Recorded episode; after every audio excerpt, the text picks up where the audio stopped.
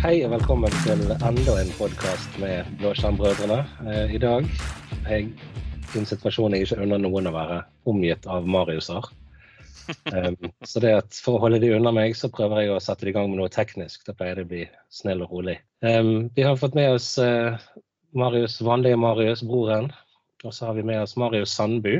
Og eh, vi har vært så heldige å få deg med for å snakke litt om uh, sikkerhet, som er et av favorittemaene mine, i hvert fall. Eh, det har vært mye eh, i media i det siste om eh, ja, problemer med sikkerheten rundt omkring i verden. Og veldig mange lurer jo nå på hva de kan gjøre for å få sikre seg både on premise og i skyen.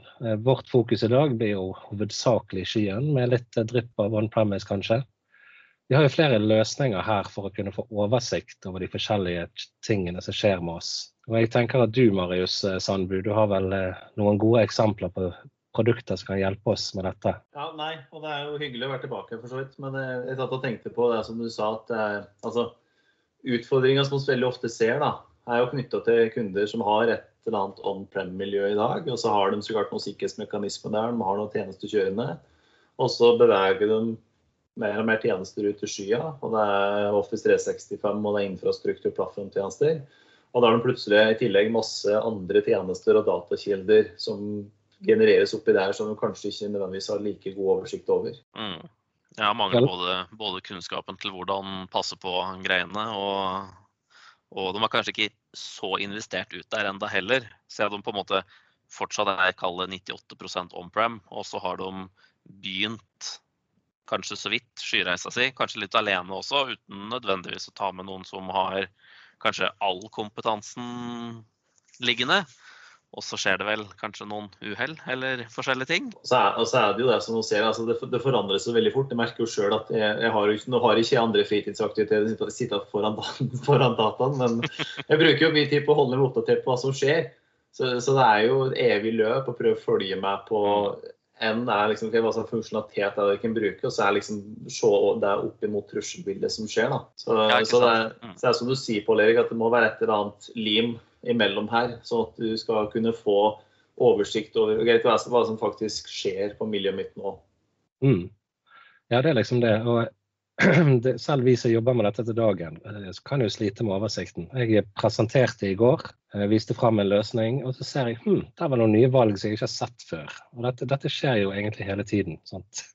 Så ja, vi trenger noen produkter som kan hjelpe oss. Og har dere noen forslag, folkens? Som jeg sa til deg før, det, det, må ikke være Microsoft, altså.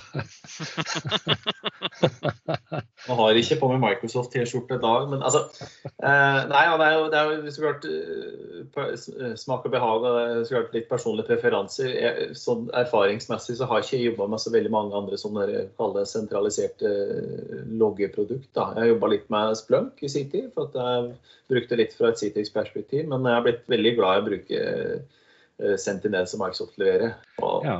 og, det, er ikke, det, er ikke, bare Det er mer på grunn til at det, greit, det ikke, jeg krever ikke svart belte i å sette opp den løsninga. Det er forholdsvis enkelt å sette opp og komme, komme i gang. Mm.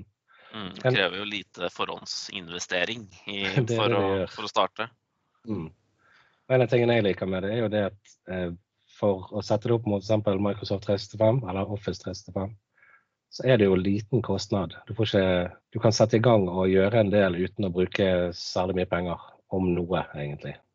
Så er det jo litt, så utvider det seg fort hvis du trekker inn andre løsninger. Men, men Asher og Office 365-tjenester kan du jo mer eller mindre integrere gratis i hermetegn. Mm. Skal vi ta, ta noen setninger om hva Asher Sentinel egentlig er for noe, for det tror jeg vi hoppa glatt over. Det hoppet vi over det, ja. Rett i materien, liksom. Yes. Så vi, vi tar den, eh, tenker jeg. Eh, så du, Marius, skal få lov å si tre setninger om hva det egentlig er. Ja. Nei, altså Azure Sentinel er et eh, skybasert CM-produkt. CM er, CM. det er, ja, det er poeng. Eh, sentralisert, eh, log, sentralisert eh, innsamling av logger og hendelser. Samtidig som det også gir mulighet for å kunne gjøre automatisering. Altså, et, eksempel er at du har en event som er knytta mot en spesiell virtuell maskin eller en VM, eller et eller annet, så kan du ha en automatisk responssikkerhet. Da skal jeg legge på en brannmurregel, jeg skal isolere den VM-en. Så du kan ha da en aktivitet som automatisk kan generere en spesifikk automatisert prosess. Mm. Sånn at hvis det du har på en måte Nå detekterer systemet med veldig høy på å Det er veldig sikkert at det, det, nå er det et eller annet som skjer på den VM-en her, så kan jeg si at nå skal den ikke ha noe outbound-trafikk noe sted. Nå bare isolerer vi skiten, og så, og så kan vi på en måte ha en automatisert prosess knytta til, til, det å på en måte remediate problemet, da, sånn at det ikke sprer seg utover. Mm. Og, og det var veldig forenkla. Altså, Sentinel er jo produkt som har blitt bygd på et annet produkt som heter Log mm. Analytics, som egentlig var den sentrale logg-tjenesten i Azure før. Og det som jeg ser retninga som Microsoft gjør nå, for at eh, nå ser vi oss jo mer og mer avanserte typer angrep, sånn som SolarWinds-angrepet bl.a. Så det er å drive og sitte og si, manuelt inspisere hva de skal se etter, hva de skal reagere på. Mm. I forhold til event, IEDs og sånne ting som dukker opp, så gjør det veldig vanskelig. Og så driver Microsoft på å videreutvikle og legge til maskinlæringsalgoritmer som skal analysere og kverne datasetten for oss. Og liksom her er det du skal se etter. Mm. Ja, ikke sant. Nei, ja, de fleste har sikkert prøvd å sette opp litt sånn enkel overvåkning av en eller annen type tjeneste. Altså Si, si f.eks. en applikasjon på en Windows-server. da. Prøve å finne ut hva er det du egentlig skal overvåke her, for det er jo en million ting da er det på en måte events fra selve applikasjonen og forskjellige backends og se på ja, noe ligger jo da i eventlog, andre ligger igjen noen loggfiler og ymse forskjellig rart. Og du, det er jo liksom nåla i høystakken fra dag én. Um, så det å ha noe automatisk maskinlæring oppi, oppi um, den, ja, ja, skal vi kalle det, den bollen, det tror jeg er uh, meget genialt, ja. Og, og så ser oss jo jeg nå altså Moderne angrep nå, det skjer jo liksom under et par timer på en måte før du er mm. kompromittert, og så går det videre innover. Så du, mm. det hjelper ikke lenger å ha personer som skal sitte og gå gjennom datasettene og se på hver eneste TCP-pakke. OK, denne, denne ser mistenkelig ut. Det godkjenner vi. Den godkjenner vi. Til å ha noen som kan automatisk si at greit, her er en event som trigger et eller annet. Smekk, og så er den låst ute. Mm. Mm. Men, men, igjen, da, den, den, den, reagerer på at det er aktiviteter som kommer inn. og igjen Det, uh, det er så klart en del ting som den ikke vil se, fordi at er jo, den er basert på si, input fra eventer og aktiviteter. og Hvis det er da ja, prosesser som kjører på en virtuell maskin, f.eks., så er ikke det noe den vil se direkte. Så Da må man kanskje også se på andre verktøy for å dekke den uh, si, beskytte mot de type angrepene. Ja, og så har den jo på en måte en viss forsinkelse vekkelse fra noe skjer. For det er jo på, er på en måte basert på logger og events sånn sett asynkront. Det er jo ikke sånn, sånn at eh, eh, Ashore Sentinel må inn og godkjenne at noen skal kunne logge på en VM, eksempelvis. Den vil jo på en måte se på at her har det vært noen inne for fem minutter siden, eller da logga de på, og så nå på en måte den loggen inn i prosesseringspipelinen, og så begynner det å skje ting. Og sånn er jo på en måte reaktiv. Så den fjerner jo definitivt ikke um, sa, behovet for å ha en god security posture oppi det hele. At du har veldig, veldig god ja, hygiene på alt som er av brannmurregler og, og, identitet og alle ting som har med sikkerhet ellers å gjøre. Så det um, er jo verdt å påpeke det også. Ja, det, det, det er liksom ikke førstelinjeforsvaret på en måte. Nei. Den sitter liksom på baksida og ser liksom hva de eh, på si, frontlinja driver med. og kan hvem, ja, så klart reagere deretter. og Som du nevnte med den forsinkelsen, og så har jeg jo sett eksempler der. Eh, jeg tror den virtuelle, altså Du kan installere innsamling av virtuelle maskiner med en agent. og Den har, kan ha en forsinkelse mellom 5 til 15 minutter for hvor ofte den mm. samler inn data og sender det opp. Og så er det litt prosesseringstid. Så det har en, kan ha en forsinkelse på 15-20 minutter. Men sånn som når vi har sett de Solarwinds-angrepene og sånn, så, så, er jo det typisk ikke sånn at det noen bare bryter seg inn, og så bare molkjører du masse angrep og prøver å gjøre alt mulig med en gang. Det er jo mm. ikke måten for uh, den type angripere jobber lenger. Det gjorde kanskje det en liten stund, men nå er det litt mer sånn ja, Vi kommer oss inn, nå står det klart. Vi venter bare på at basically, de, de, bygger seg opp en pipeline med kunder som er kall det ferdig kompromittert.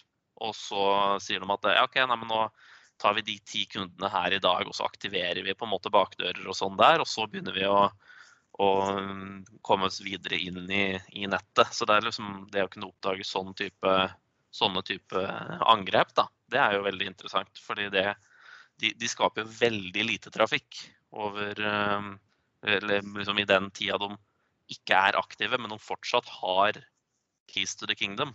Uten at du egentlig vet det. Mm. Så, og så sitter de kanskje bare og venter på at en eller annen domeneadmin skal logge på forskjellige sånne ting. da. En ting jeg, jeg tror faktisk jeg så det i går på, på Twitter, at det er altså folk som selger kompromitterte kontoer og kompromitterte servere på en måte som sier at de kommer inn og greit, de har nøkkelen, greit, og selger nøkkelen til noen andre, så kan de få gjennomføre mm. angrep og mm. tjene litt penger på det. Mm. Og jeg mener Microsoft også har en sånn timeline der den viser hvor lang tid angriperen bruker når de først har kommet inn. Sjekke om noen faktisk detekterer at de er der, og så venter de litt. Og så kommer de tilbake 14 dager, 30 dager senere og prøver å komme seg ja. innover. Mm. Og det er jo meget vanskelig å oppdage sånn uten sitter og ser på forskjellige logger og, og sånne ting. For det er jo veldig lite trafikk som, som blir eh, generert, og det er veldig få ting de egentlig gjør. De gjør veldig sånn stille sjekker mot, mm. mot AD og mot andre servere. Og alt mulig. Så det er ikke liksom ut og portskanne alt mulig rart og liksom være sånn veldig åpenbar. Ja, og så er det også det med at jeg ser at det beveger seg fra ikke bare infrastruktur, men også liksom skye salgstjenester. Du har Salesforce og andre ting. og så greit, har du innsikt på hva som skjer der, hvem som har vært inne mm. der, når, mm. hva de har gjort for noe. Og det er en sånn aktivitet der også som er veldig viktig fremover for å få litt oversikt, sånn total oversikt. da. Ja, ikke sant. Hvordan er det vi begynner, da? Sånn, hvis det vi skal si at ja, nå skal vi ha Sentinel, hva er, eh, hva er på en måte steg én? Nei, det, og, Veldig ofte så er det sånn use case-drevet. da, At du ser på hva er det de ønsker å få innsikt i, hva de ønsker å kunne avdekke. Ønsker å mm. avdekke angrep knytta til mot infrastrukturen. Azure Radio for 365. Eh, og definere en sånn type arbeidsflyt basert på det. Når du ser at Greit, det vil avdekke om noen har vært inne i Office 365 midt på natta og lasta ned 200 filer på OneDrive-mappa f.eks. Og så går du litt innpå, da, greit, da blir det sette opp tjenesten, sette opp Loganalytics, eh, definere hvilken region du skal stå i, installere Sentinel, definere hvilken datakilde du skal hente inn. og da er det jo Office 365 er så radidatkilden, og så er det jo en del predefinerte regelsett på hva man skal se etter automatisk, som du da kan bruke som et utgangspunkt. Eller så må du klart definere, definere egne regler når du først har datakilden der. Mm. Men sånn hvis jeg har noe gammelt, eller ikke gammelt, men i hvert fall noen type nettverksutstyr og VPN-konsentratorer og brannmurer osv., så, videre, så så er vel det også data som jeg kan fyre inn via type syslog og sånt, er det ikke det? Jo, du, du, trenger en, eh, en Linux-agent for den støtter syslog-innsamling, så den kan da videresende data som du får mm. fra de typer appliancer. Det som også ofte pleier kan skje veldig mye, at du, du har en syslog-server stående lokalt, og den samler inn alt av data du har fra brannmuren som genererer all type trafikk kontinuerlig. så vil kanskje gjøre noe filtrering der for å se på hva slags type data de skal samle inn. da, Spesielt For at ja. uh, spesielt Cisco-bokser, sånn som gamle Cisco-brannmurer, har mm. masse syslog-data som genererer hele tida. Ja, jeg har kjørt litt sånn høll, høll på å si verbose syslogging der, og den er ganske ganske tung. Det kommer omtrent like mye syslogg som det kommer data gjennom brannmuren, si det sånn. Ja, og da, og da, bruker vi veldig mye tid på å finne ut hva er det egentlig jeg skal se etter her. Hva er det som er viktig for meg å tenke på. Mm, mm. Det er ikke bare å sette opp og håpe at uh, du får det du trenger. Du må på en måte filtrere en del òg, da. Ja. Og jeg, jeg, liker å se det litt på Jeg vet ikke om du har vært borte i System Center Operation Manager og liksom du har masse, masse management packs. Og da kommer du liksom, du kommer liksom til et ferdig pynta bord, sjøl om det bordet er veldig rotete med masse alarmer og tjo og hei. Ja. Uh, men Sentinel er liksom det, du har et blankt skall, du har noen regler, men du må bygge logikken sjøl. Mm, mm. Jeg tenkte akkurat på det når, du, når, vi snakket om det. At jeg drev med, med MOM før i tiden. Og veldig mye av jobben går jo på å filtrere ut hva som er nyttig. Mm. Det du egentlig vil ha. Mm, mm. Men sånn, for her er det jo på en måte workbooks som er eh, et begrep. Um, hvordan sammenligner vi en workbooks med type management packs i, i skolen? da? Er det litt av det samme? Um, jeg, vil se på work, nei, jeg vil se på management packs som en kombinasjon av deteksjonsregler og automatisk responsen. Mm. mm. Management packsen er ofte at du har predefinerte regler på hva en skal se etter.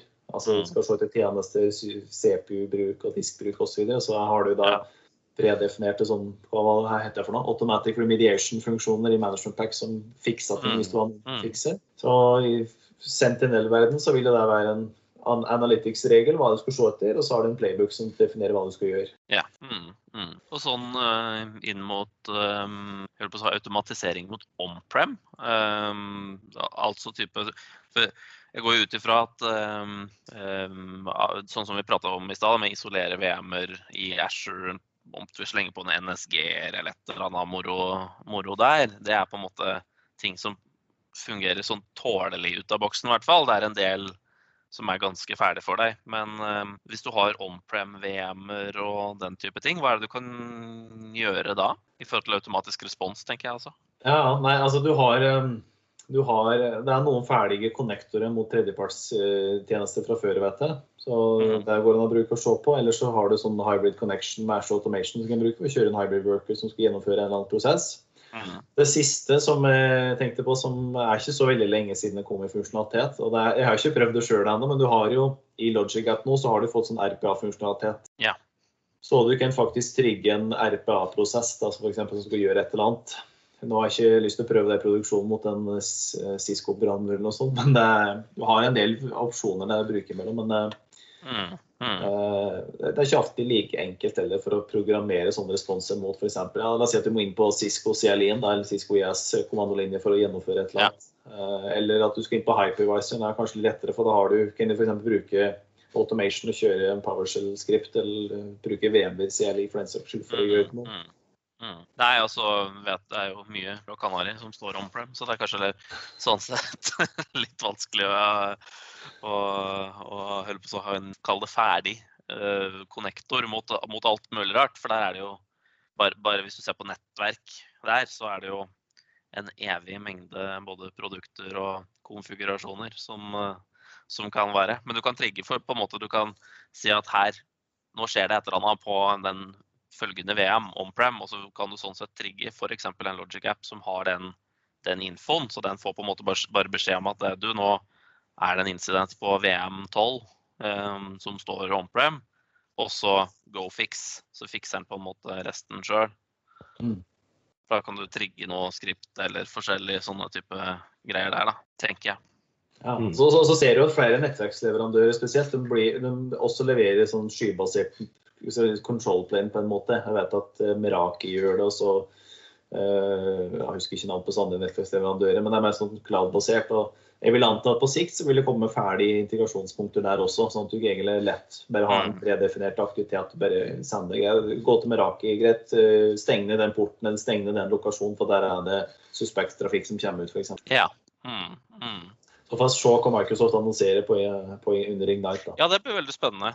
Skal vi ta litt om det òg, kanskje? Nå, det er, ja, innen vi har fått publisert denne her på, så er vel Ignite uh, midt i, så da blir vi den typiske Vi skal prøve å gjette hva som skjer, men folk hører ja, jeg, eh, Vi er nå ferdig med Ignite, men jeg tipper at det kommer et eller annet datarelatert opp på Ignite i hvert fall.